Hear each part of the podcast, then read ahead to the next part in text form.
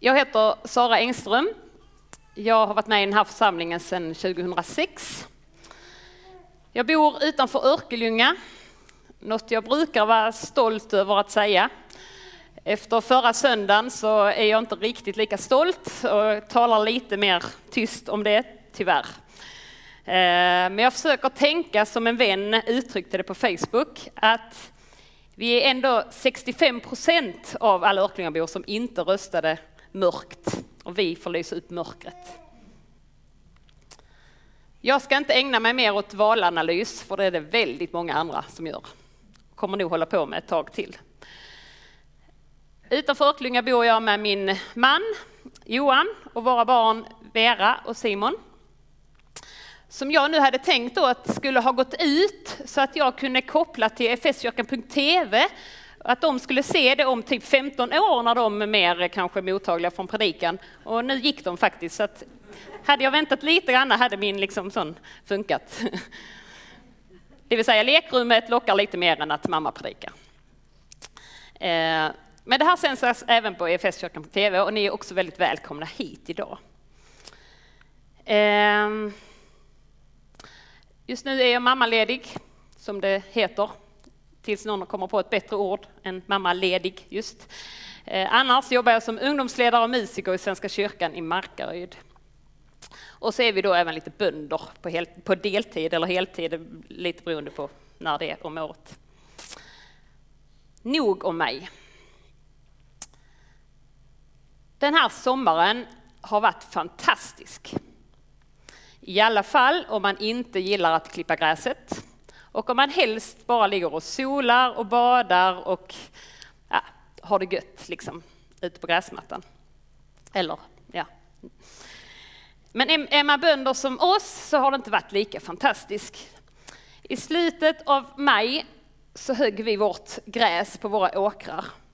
Då hade det redan varit torrt ett tag och vi insåg när vi såg på prognoserna att det fanns inget regn i sikte. Så vi tänkte att nu, det kommer inte växa mer. Det är snarare risk att det bara kommer vissna bort. Så vi får hugga det som finns. Liksom. Så vi högg det till hö och till ensilage. Det brukar vara en sport att kunna få in torrt hö. Det var det inte i sommar kan jag säga. Man kunde bara välja och vraka på dagarna när man skulle ta det. Sen hände ingenting med växtligheten på två och en halv månad. Det såg ut precis som det hade gjort när vi hade huggit det. Det såg ut, ja, det såg ju ännu brunare ut på min bild. Här ser det nästan lite grönt ut. Det var det inte.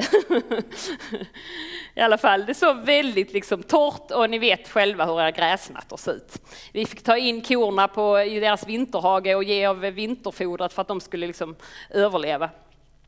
Det såg ut att vara helt dött.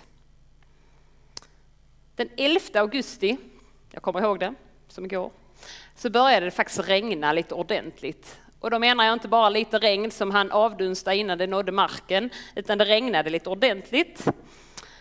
Och vi skulle åka på semester några dagar och då tog jag just den här bilden innan. Eh, ja, eh, den första tog jag då innan. Eh, och sen var vi borta i tre dagar. Vi hade soligt där vi var i Blekinge, det regnade hemma, fantastisk kombination. Och när vi kom tillbaka så hade det, nu kan du ta den andra bilden, då hade det blivit redan mycket grönare på åkrarna. Och vi kunde släppa dit korna igen, de hade gräs de kunde äta. Det hände liksom på tre, fyra dagar.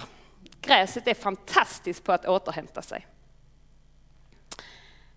Man kan nästan säga att det hade gått från död till liv, naturen.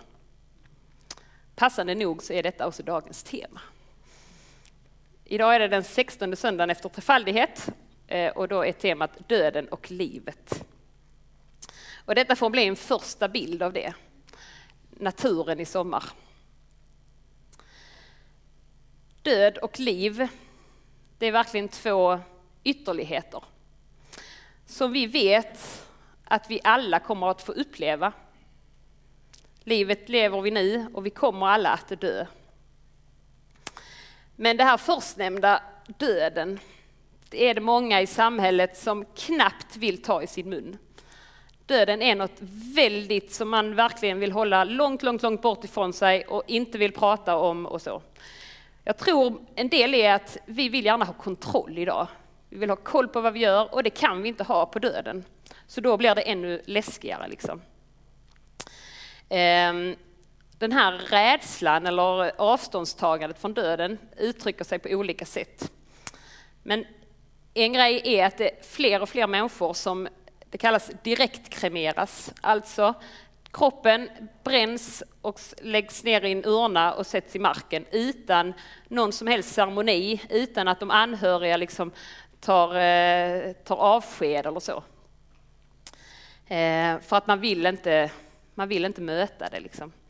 Och min, min, eh, en präst där jag jobbar, han berättade också att när de gångerna det är begravning med en kista så är det fler och fler anhöriga som inte vill gå med till graven och sänka ner den. För då säger de att då blir det så definitivt att den här människan som har dött dör. Ja, det blir det ju ändå. Liksom. Det, det, det hjälper inte att vi försöker förneka det. En död människa är en död människa. Sorgen och saknaden finns där även om vi försöker hålla den ifrån oss. Men om då inte Gud bestämmer sig för att manifestera sin makt och sin härlighet genom att uppväcka en person från de döda. Som han gör i dagens evangelietext som vi ska läsa. Den är hämtad från Johannes evangeliet kapitel 11, vers 28 till 44.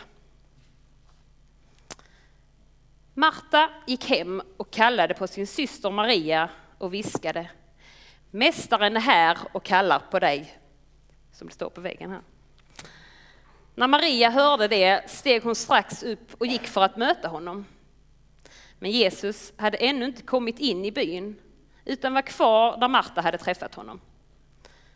Judarna som var hemma hos Maria för att trösta henne såg att hon hastigt reste sig och gick ut och de följde efter i tron att hon gick till graven för att gråta där. När Maria nu kom dit, där Jesus var, och fick se honom kastade hon sig för hans fötter och sa Herre, om du hade varit här hade min bror inte dött. När Jesus såg hur hon grät och hur judarna hade följt med henne också grät blev han upprörd och skakad i sitt innersta. Och han frågade, var har ni lagt honom? De sa, Herre kom och se. Jesus föll i gråt. Då sa judarna, se hur mycket han höll av honom. Men några av dem sa, kunde inte han som öppnade ögonen på den blinde ha gjort så att Lazarus inte hade behövt dö? Jesus blev åter upprörd och gick till graven. Det var en klipphåla med en sten för öppningen. Och Jesus sa, ta bort stenen. Den dödes syster Marta sa då, men herre, han luktar ju redan, det har gått fyra dagar. Då sa Jesus till henne, har inte jag sagt dig att om du tror så ska du få se Guds härlighet? De tog bort stenen och Jesus lyfte blicken mot himlen och sa, Fader, jag tackar dig för att du har hört mig. Själv visste jag att du alltid hör mig, men jag säger detta med tanke på alla de som står här, för att de ska tro på att du har sänt mig. Sen ropade han med hög röst, Lazarus kom ut. Och den döde kom ut, med armar och ben inlindade i bindlar och med ansiktet täckt av en duk. Jesus sa åt dem, gör honom fri och låt honom gå.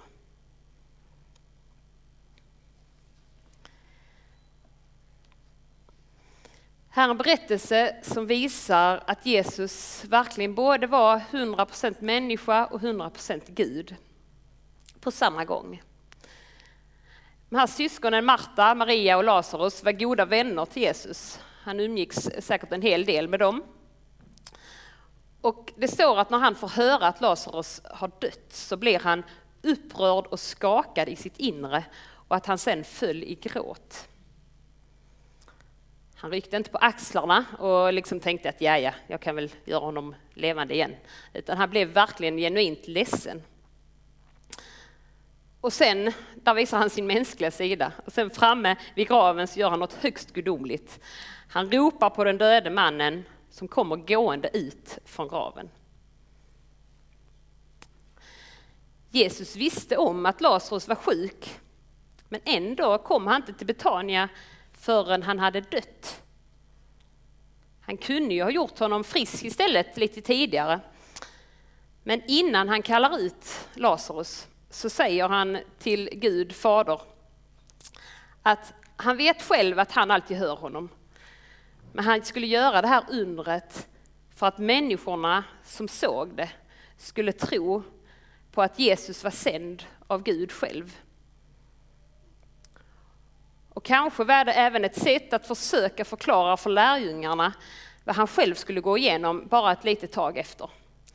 Han hade försökt att förklara för dem att jag kommer dö och sen efter tre dagar så kommer jag uppstå igen. Men lärjungarna, de var ungefär likadana. De ville inte heller höra det här med död. Jesus var ju deras liksom hero, Messias. Eh, det var ju han de skulle följa resten av livet. Och så började han prata om att han skulle dö, så de bara wow, nu hör jag dig lite dåligt. Så. Eh, men så då för att han skulle visa att det funkar, liksom. jag kan dö men jag kan även uppstå, så visar han det genom att uppväcka Lazarus. Nu är det då lätt att tänka att wow, häftig story alltså. Eh, och som journalist tänker jag såklart, tänk att få intervjua Lazarus. Det hade jag velat göra kan man säga. Eh, det var dock någon som uttryckte det att det var rätt så synd om Lazarus för han fick ju dö två gånger. Han fick först dö denna gången, sen fick han ju faktiskt dö igen sen när han blev eh, äldre. En, eh, så att, ja, jag vet inte riktigt hur han, vi får fråga honom i himlen eh, om vi kommer ihåg det då. Eh, alltså det är lätt att tänka att det här hände ju då, när Jesus levde, när han gick här nere på jorden. Det står i Bibeln, ja det är fint så liksom. Men vad har det egentligen med mig att göra? Och nej, det är inte många människor idag som blir uppväckta från de döda. Vi får inte se dem komma upp från jorden eller öppna kistan och kliva ut, vilket kanske är tur, eller jag vet inte, men ibland skulle vi kanske vilja. Men... Och Guds rike var här på jorden på ett alldeles speciellt sätt när Jesus gick här. Han var verkligen fysiskt här. Eh, I en mänsklig gestalt. Men visst händer det under idag också. Även om inte man, Jesus uppväcker kanske de döda så händer det absolut under idag. Och att Gud kan ge människor livet tillbaka, det kan jag själv skriva under på. Jag har fått själv fått uppleva detta. Och det är några av er som redan har hört det, ni får stå ut med att höra lite av det igen. För detta är verkligen det tydligaste exemplet i mitt eget liv på att gå från död till liv. Um, när jag var 18 så blev jag sjuk i anorexia. Uh, och jag hade det sen i fem år. Uh, jag blev uh, sämre och sämre. Eh, jag fick väldigt mycket ångest, jag hade förstörda relationer, min kropp blev tunnare och tunnare, jag åt knappt någonting i slutet. En kropp som bara skrek efter näring. Eh, och ett hjärta som nog på slutet gick ungefär på kvartsfart.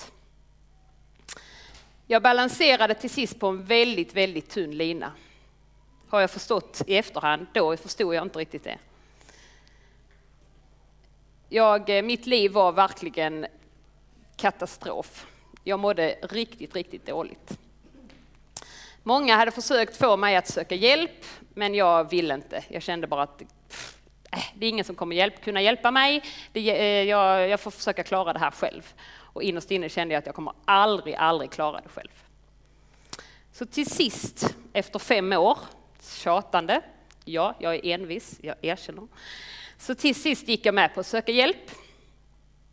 Och jag trodde bara att det skulle vara ett läkarbesök på en timme ungefär. Men när jag kommer in där, eh, hade cyklat dit, då säger läkaren, när han såg mig och när han vägde mig och tog värden så sa han bara sitt still. Du får inte gå härifrån. Så sa jag bara, hallå jag är 18, jag får göra vad jag vill, eller jag var 23 eh, dessutom.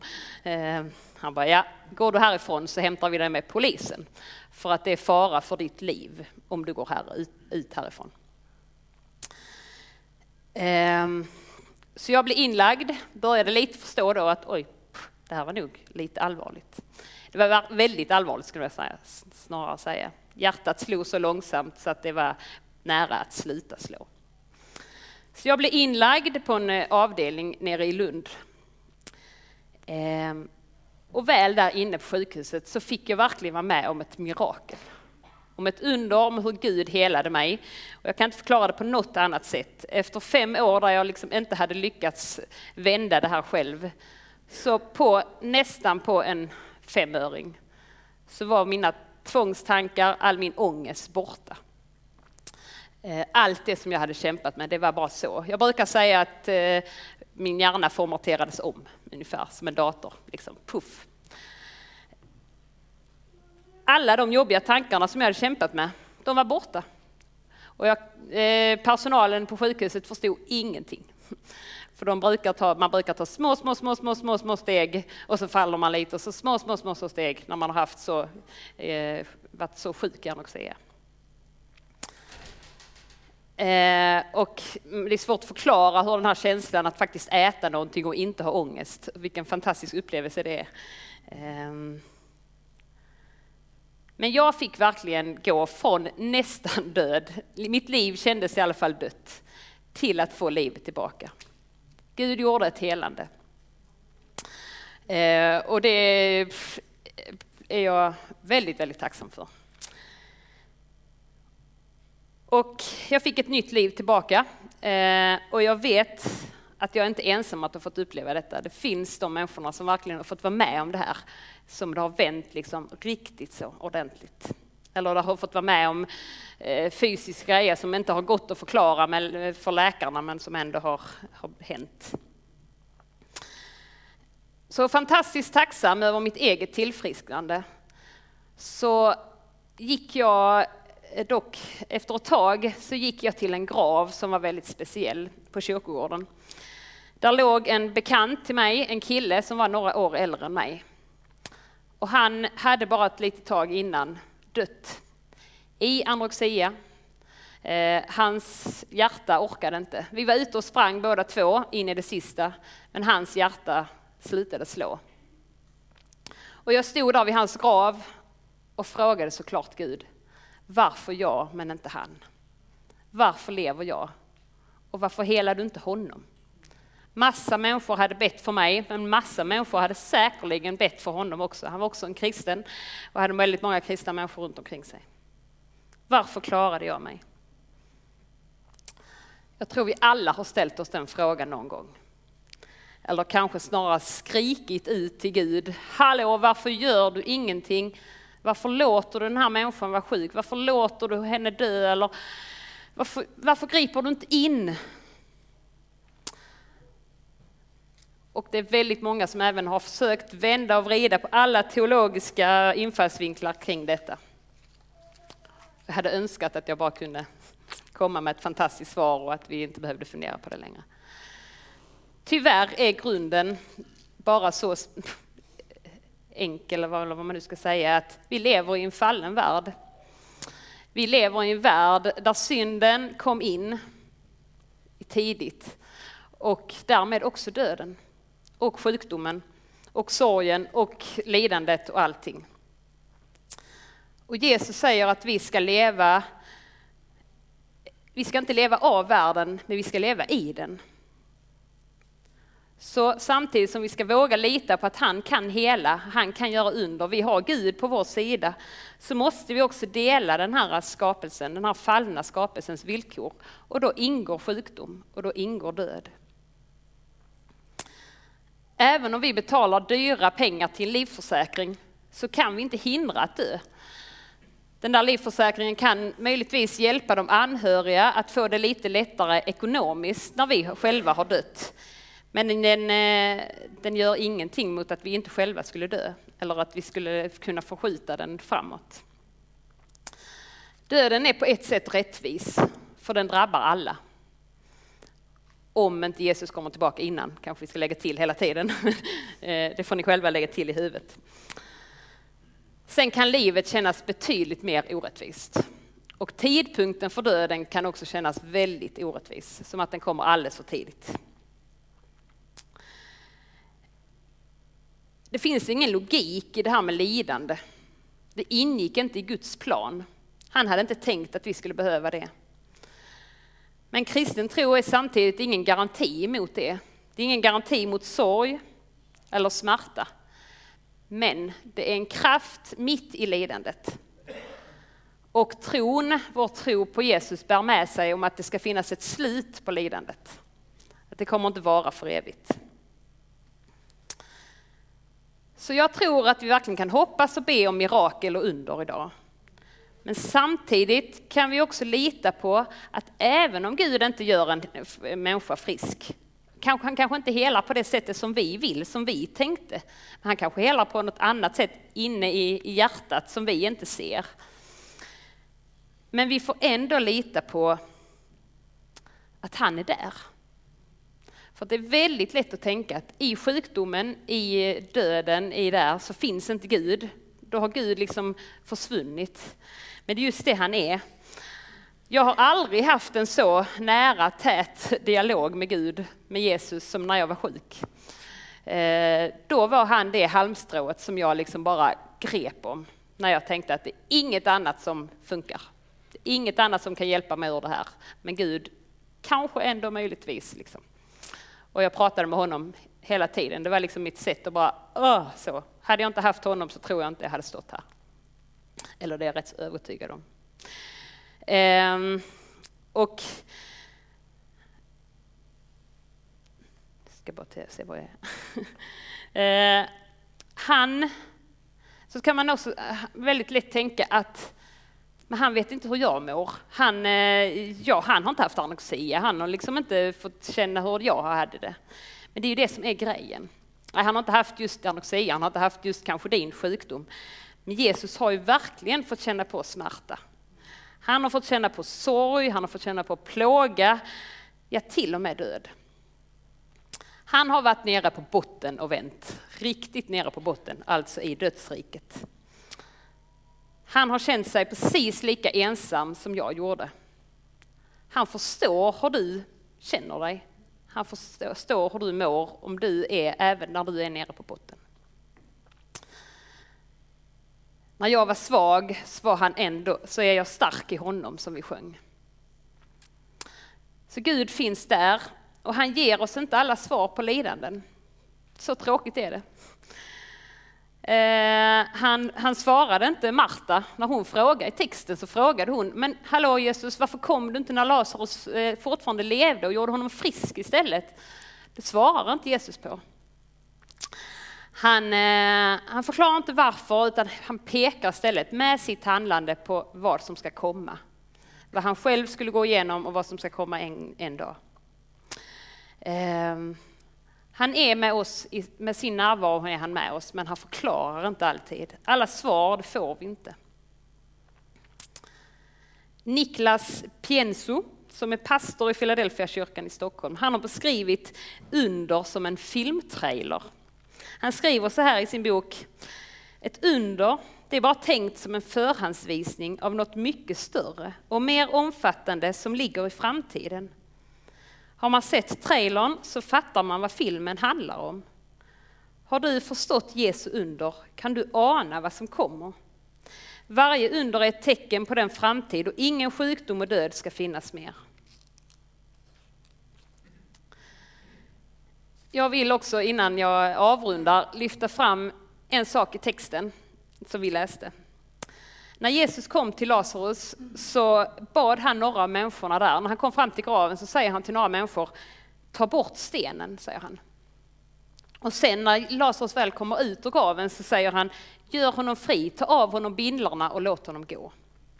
Och jag tänker att kunde Jesus uppväcka Lazarus från de döda så hade han mycket väl kunnat bara låta stenen whoop, whoop, whoop, så. Så landade den på ett annat ställe liksom. Det hade ju varit lite mer spacigt eh, så bättre trailer om man nu ska säga så. Film. Ja. Eh, men han säger till några människor att göra det. Och när Lazarus kommer ut med bindlarna så kunde Jesus mycket väl fixat att de försvann när han upp, eh, uppstod och så kom han ut utan bindlar. Men jag tror att vi kan tänka på det här, tolka det här som att Gud vill ha oss med i sina under, i sina helande. Han vill att vi ska vara hans redskap här på jorden. Han vill att vi ska lyfta av människors bördor. Han vill att vi ska hjälpa våra vänner, människor som vi har kring oss, som tycker att livet är dött. Som tycker att allting bara är pest och pina och bara, oh, som kanske till och med vill ta sitt liv. Vi ska hjälpa dem, vi ska vara hans fingrar. Eh, att försöka ge dem liv igen, försöka se livet, att det kan vara fantastiskt. Han vill att vi ska hälsa på de sjuka, de döende, de ensamma. Han vill att vi ska använda de kunskaperna som, vi fin som finns inom läkar sjukvården, låta vårdpersonal vara hans händer och fötter. Han vill ha oss med. Och när inte detta hjälper, när inte Gud gör ett helande som, eh, eh, som fick hända för mig, eller när vi kan hjälpa en människa, när Gud inte griper in på det sättet, utan att en människa faktiskt dör, så har vi ett hopp att lita på. Gud har lovat att en gång komma tillbaka och uppväcka alla människor från de döda.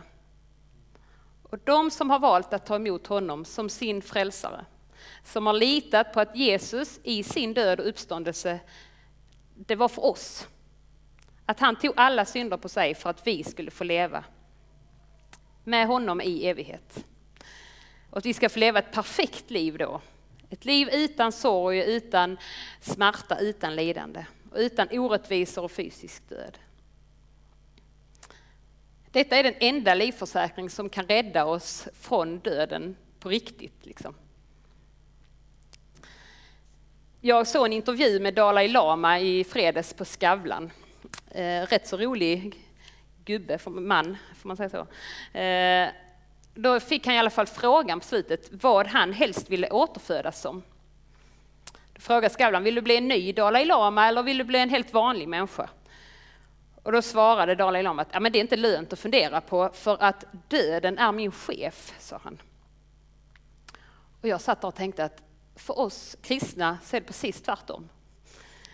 Vår chef är den som har sagt att han är vägen, sanningen och livet. Vi behöver inte dö oroliga för om vi ska återfödas som en, ja, vad, man nu, vad vi ska återfödas som eller till. Utan vi kan vara trosvissa om att vi ska få uppstå och leva med Jesus i himlen. För Jesus dog och vann livet till oss.